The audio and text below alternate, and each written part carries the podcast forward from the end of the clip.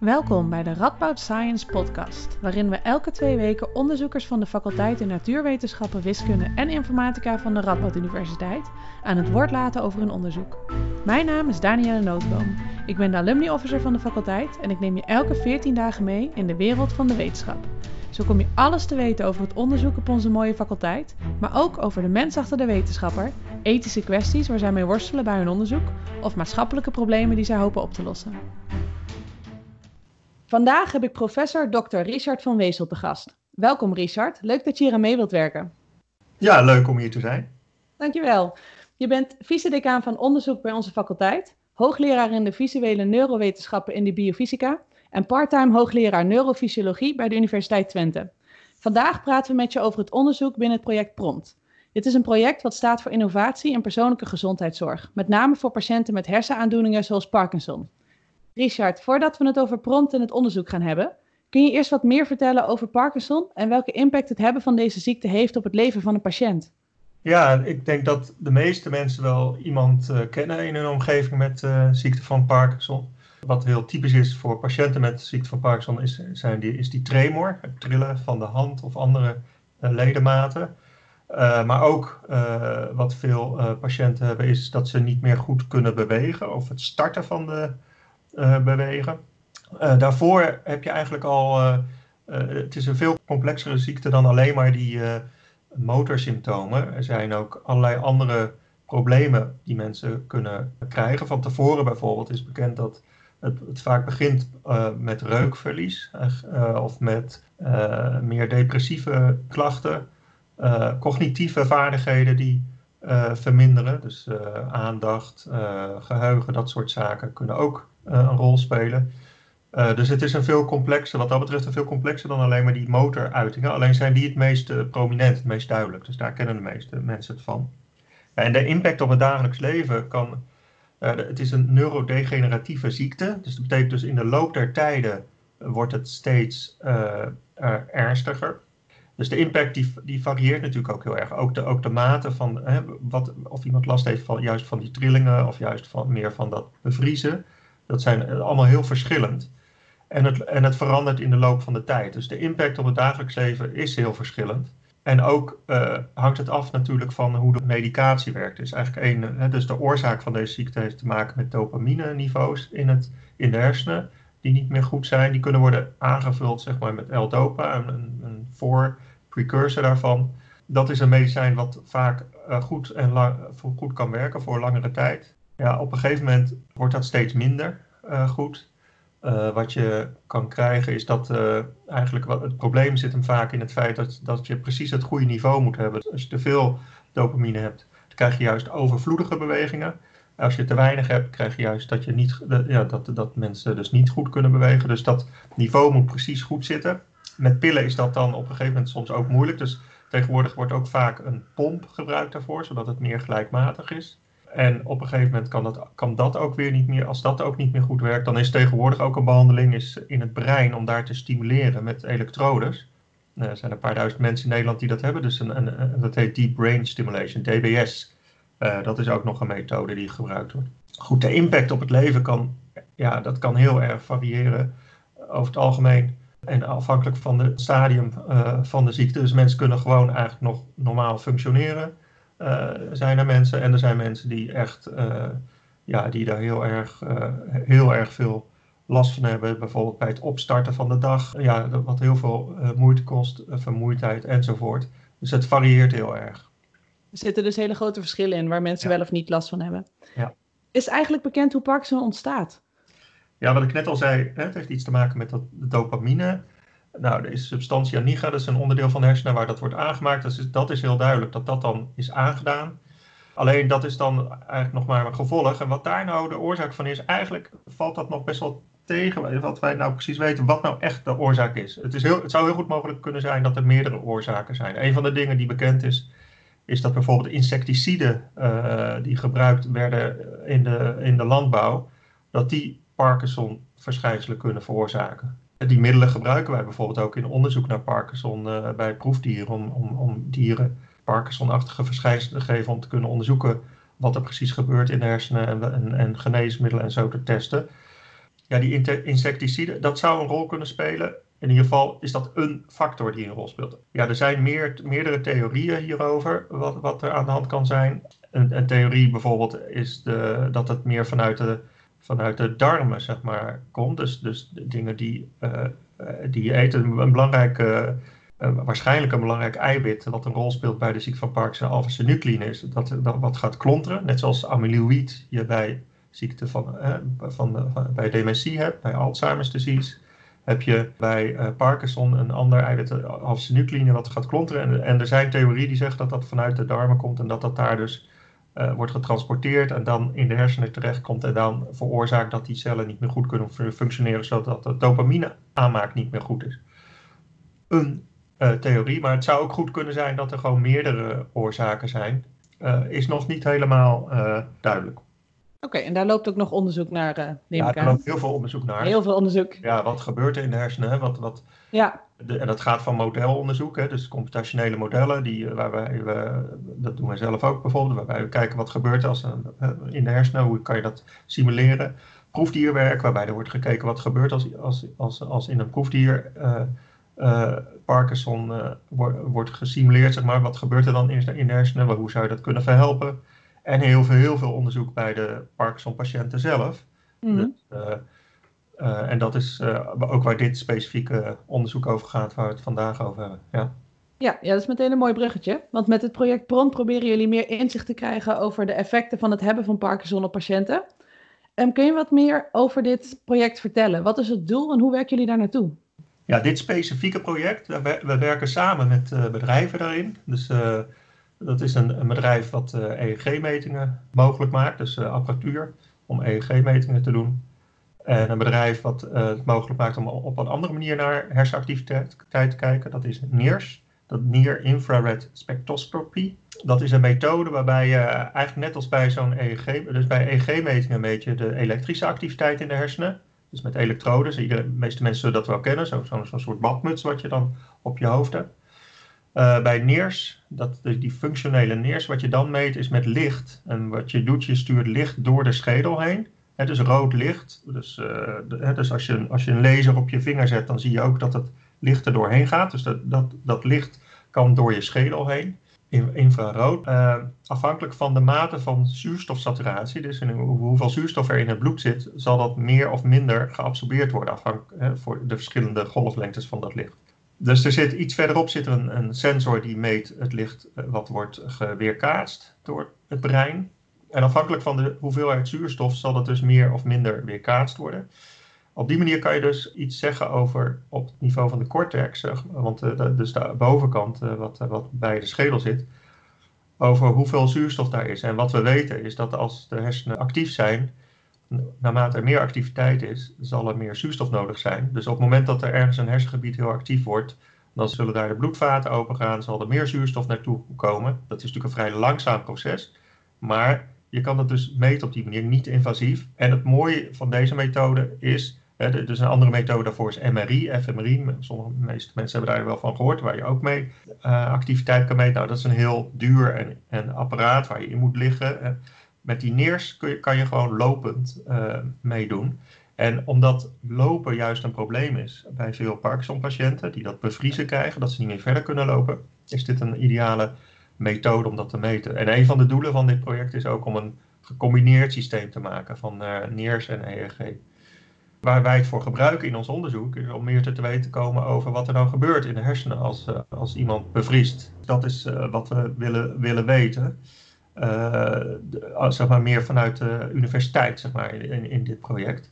Mm -hmm. En daar kunnen we natuurlijk ook die apparatuur testen en kijken of dat dus ook inzetbaar is. Want een van de dingen is dat bevriezen, dus, en, en dat wordt wel freezing of gait genoemd, dus het bevriezen van het lopen. Dus dat bevriezen, dat zorgt ervoor dat men, en dat is met name onder bepaalde omstandigheden.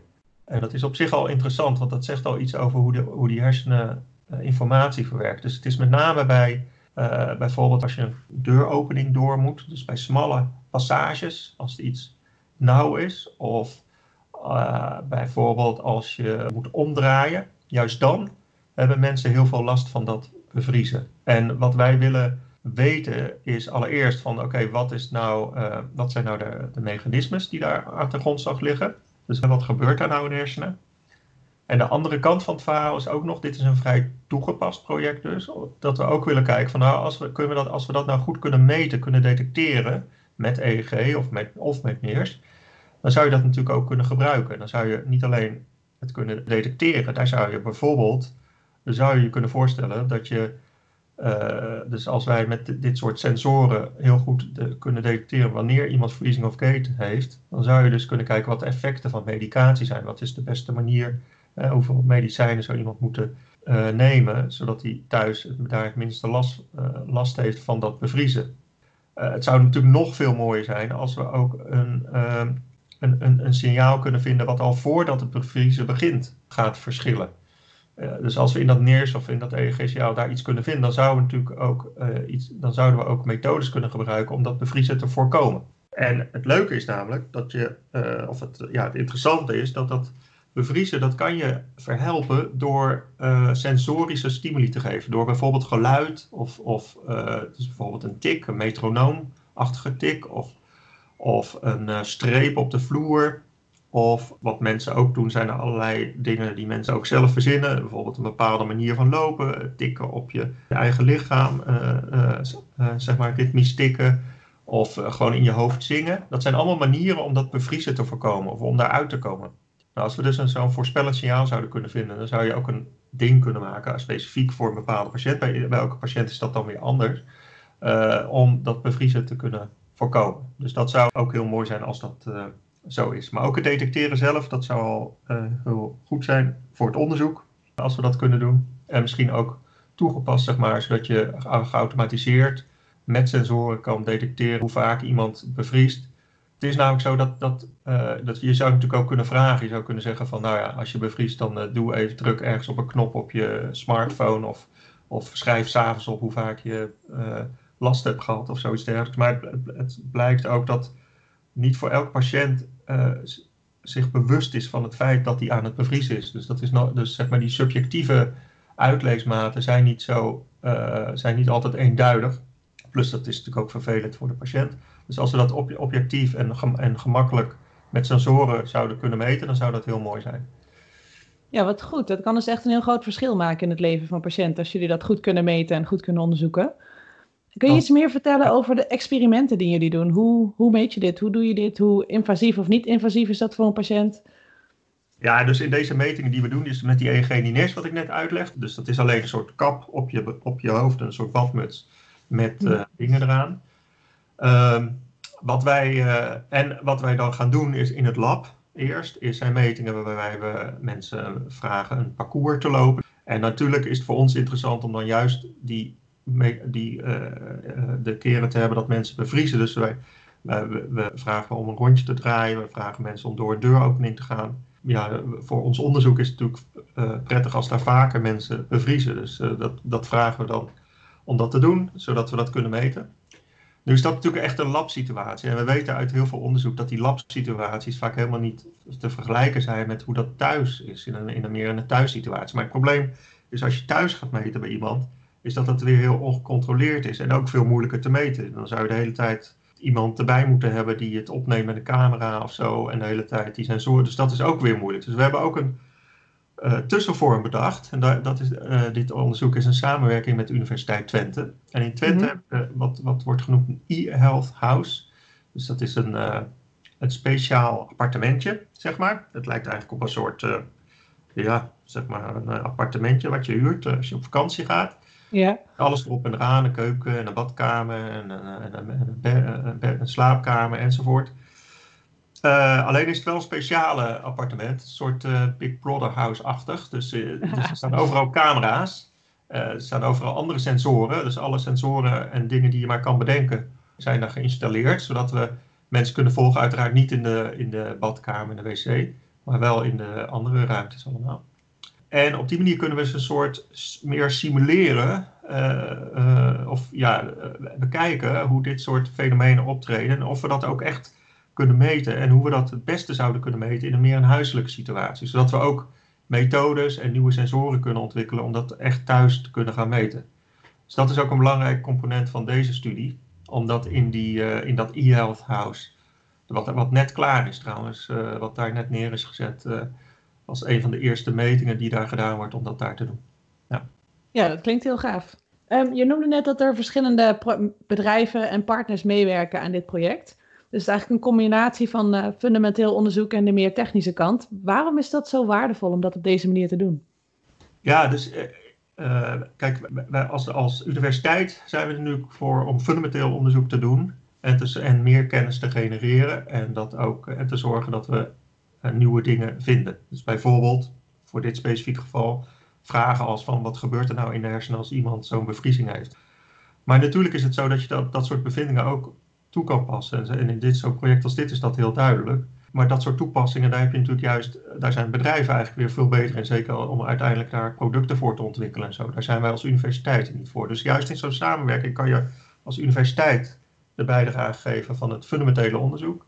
En de vertaalslag naar uiteindelijk producten die ook in de samenleving gebruikt kunnen worden. Wat dan door die bedrijven wordt gedaan. Dat kan heel erg uh, ja, goed samengaan.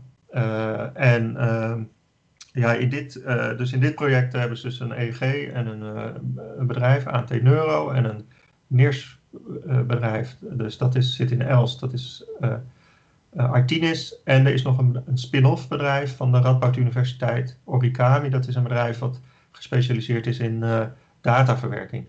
En bijvoorbeeld met, met hun zijn we dus bezig om via, de, via een iPhone of een app op je telefoon, zeg maar, te kunnen wat kunnen we daaruit detecteren of iemand freezing of gate heeft in zo'n e-health house, in zo'n echte situatie thuis, zeg maar. Nou, dat zijn dus drie bedrijven die daar aan meedoen. En dat is, dat kan, is dus heel waardevol, omdat je dan dus uh, ja, directer de fundamentele resultaten kan vertalen naar zaken die gebruikt kunnen worden in het echte leven. Ja, mooi. En je stipt het net al een beetje aan hoor. Maar wat hoop je dat het onderzoek uiteindelijk brengt voor Parkinson-patiënten en uh, zorgverleners?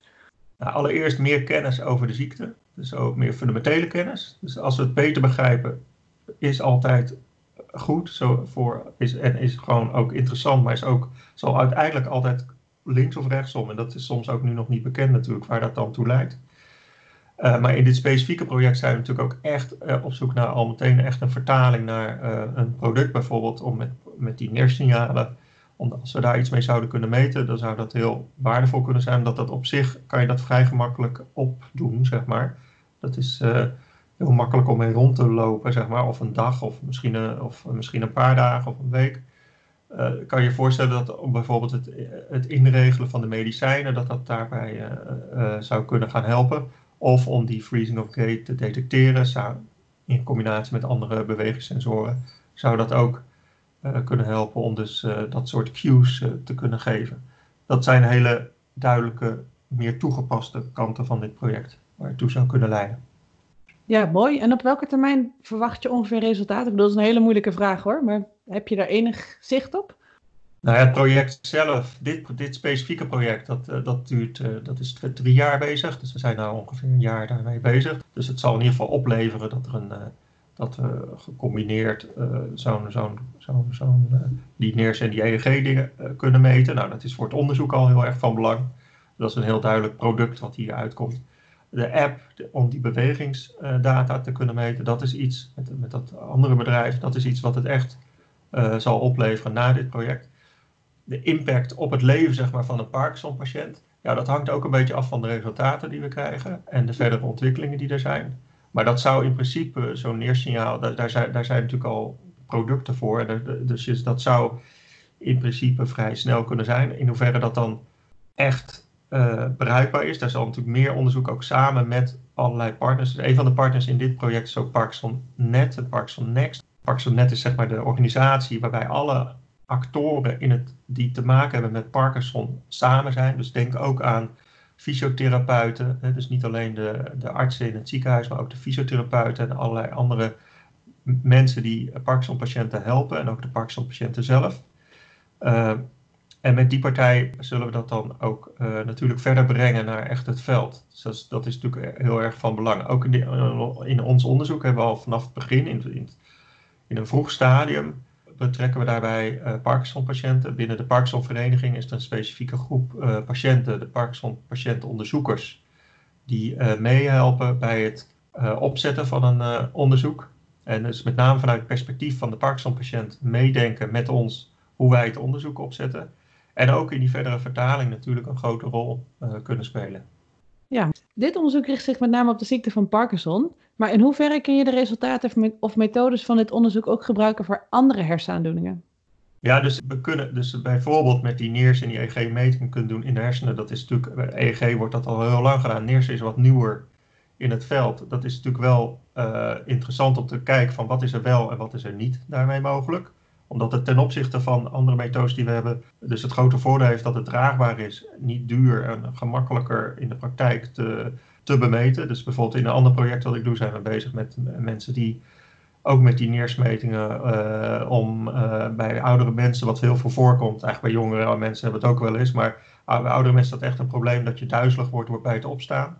Nou, dan kan je met neers kan je ook heel goed hersensignalen meten, want dat is uiteindelijk natuurlijk het probleem, dat duizelig worden. Het heeft iets te maken met doorbloeding van de hersenen.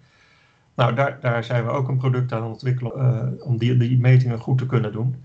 Want in dat geval gaat het er bijvoorbeeld om dat hè, veel mensen krijgen middelen tegen de hoge, te hoge bloeddruk. Maar het grote nadeel daarvan is weer dat je weer sneller gaat vallen en er meer last van hebt. En dat betekent dus dat je de, dus dit soort onderzoek ook voor dat soort patiënten daarbij ook een rol kan spelen. Het is maar even als een voorbeeld, maar ik denk dat daar ja. nog veel breder is dan, dan dat. Wat mooi. Hey, is er als laatste nog iets wat ik nog niet gevraagd heb, maar wat je nog wel even zou willen delen? Nou, misschien is het wel aardig om toch iets te zeggen over in deze tijd, zeg maar, met het coronavirus. Hè, dat heeft natuurlijk wel impact gehad op ons project. Hè, dus, want wij zitten werken, Parkinson-patiënten is een kwetsbare groep. Dus op dit moment doen wij geen metingen. Want ja, logisch. het is nu begin juli hè, 2020, dus we, we gaan uh, niet met een kwetsbare groep alle mensen vragen om hier naartoe te, om naar onze labs te komen. Nee, begrijpelijk. Er heeft wel impact op gehad. Aan de, aan, de, aan de, andere kant heeft het ook uh, wel toegeleid, bijvoorbeeld in een project uh, wat getrokken. Dit, dit hele project trouwens, dat doen we samen dus met de Universiteit Twente en met de Radboud UMC. Uh, onder andere Bas Bloem, Jorrit Nonneke zijn daarbij betrokken bij deze onderzoekingen. Als het gaat om sensoren en Parkinson-patiënten, is er net vanuit de groep van Bas Bloem, waar ik ook bij betrokken ben, een aanvraag gedaan om te kijken of uh, met een, een, smartwatch, waarbij gekeken wordt naar wat kan je nou meten bij Parkinson-patiënten met zo'n smartwatch. En, en, omdat dat natuurlijk net, dat was een project wat al, wat al loopt, nou, omdat dat al, al loopt en ook al liep toen dat hele coronavirus begon, is die data natuurlijk ook te gebruiken voor, voor coronavirus. Dus ook breder inzetbaar, zeg maar, om te kijken, kan je met zo'n smartwatch, kan je bijvoorbeeld de temperatuurverhoging uh, om maar wat te noemen, of de gelijkbaarheid van de huid die verandert, uh, of, de, of hartslag, hartslagvariatie, dat soort metingen kan je doen met zo'n smartwatch. En kan je daar dan al bijvoorbeeld al in een vroeger stadium iets zeggen over uh, de incidentie van, van coronavirus, om maar wat te noemen. dus ook dit, dit soort onderzoek kan soms ook, zonder dat je dat ooit hebt bedacht, leiden tot andere toepassingen in andere velden. Wat leuk. Wat dit laat zien. Ja. ja, wat goed. Nou, dankjewel Richard dat je de tijd wilde nemen voor deze podcast. Dat je ons uh, alles wilde vertellen over project Prompt en Parkinson. Nou, het was leuk om te doen. Ja. Nou, dankjewel. En luisteraars, dankjewel voor het luisteren. En tot over twee weken.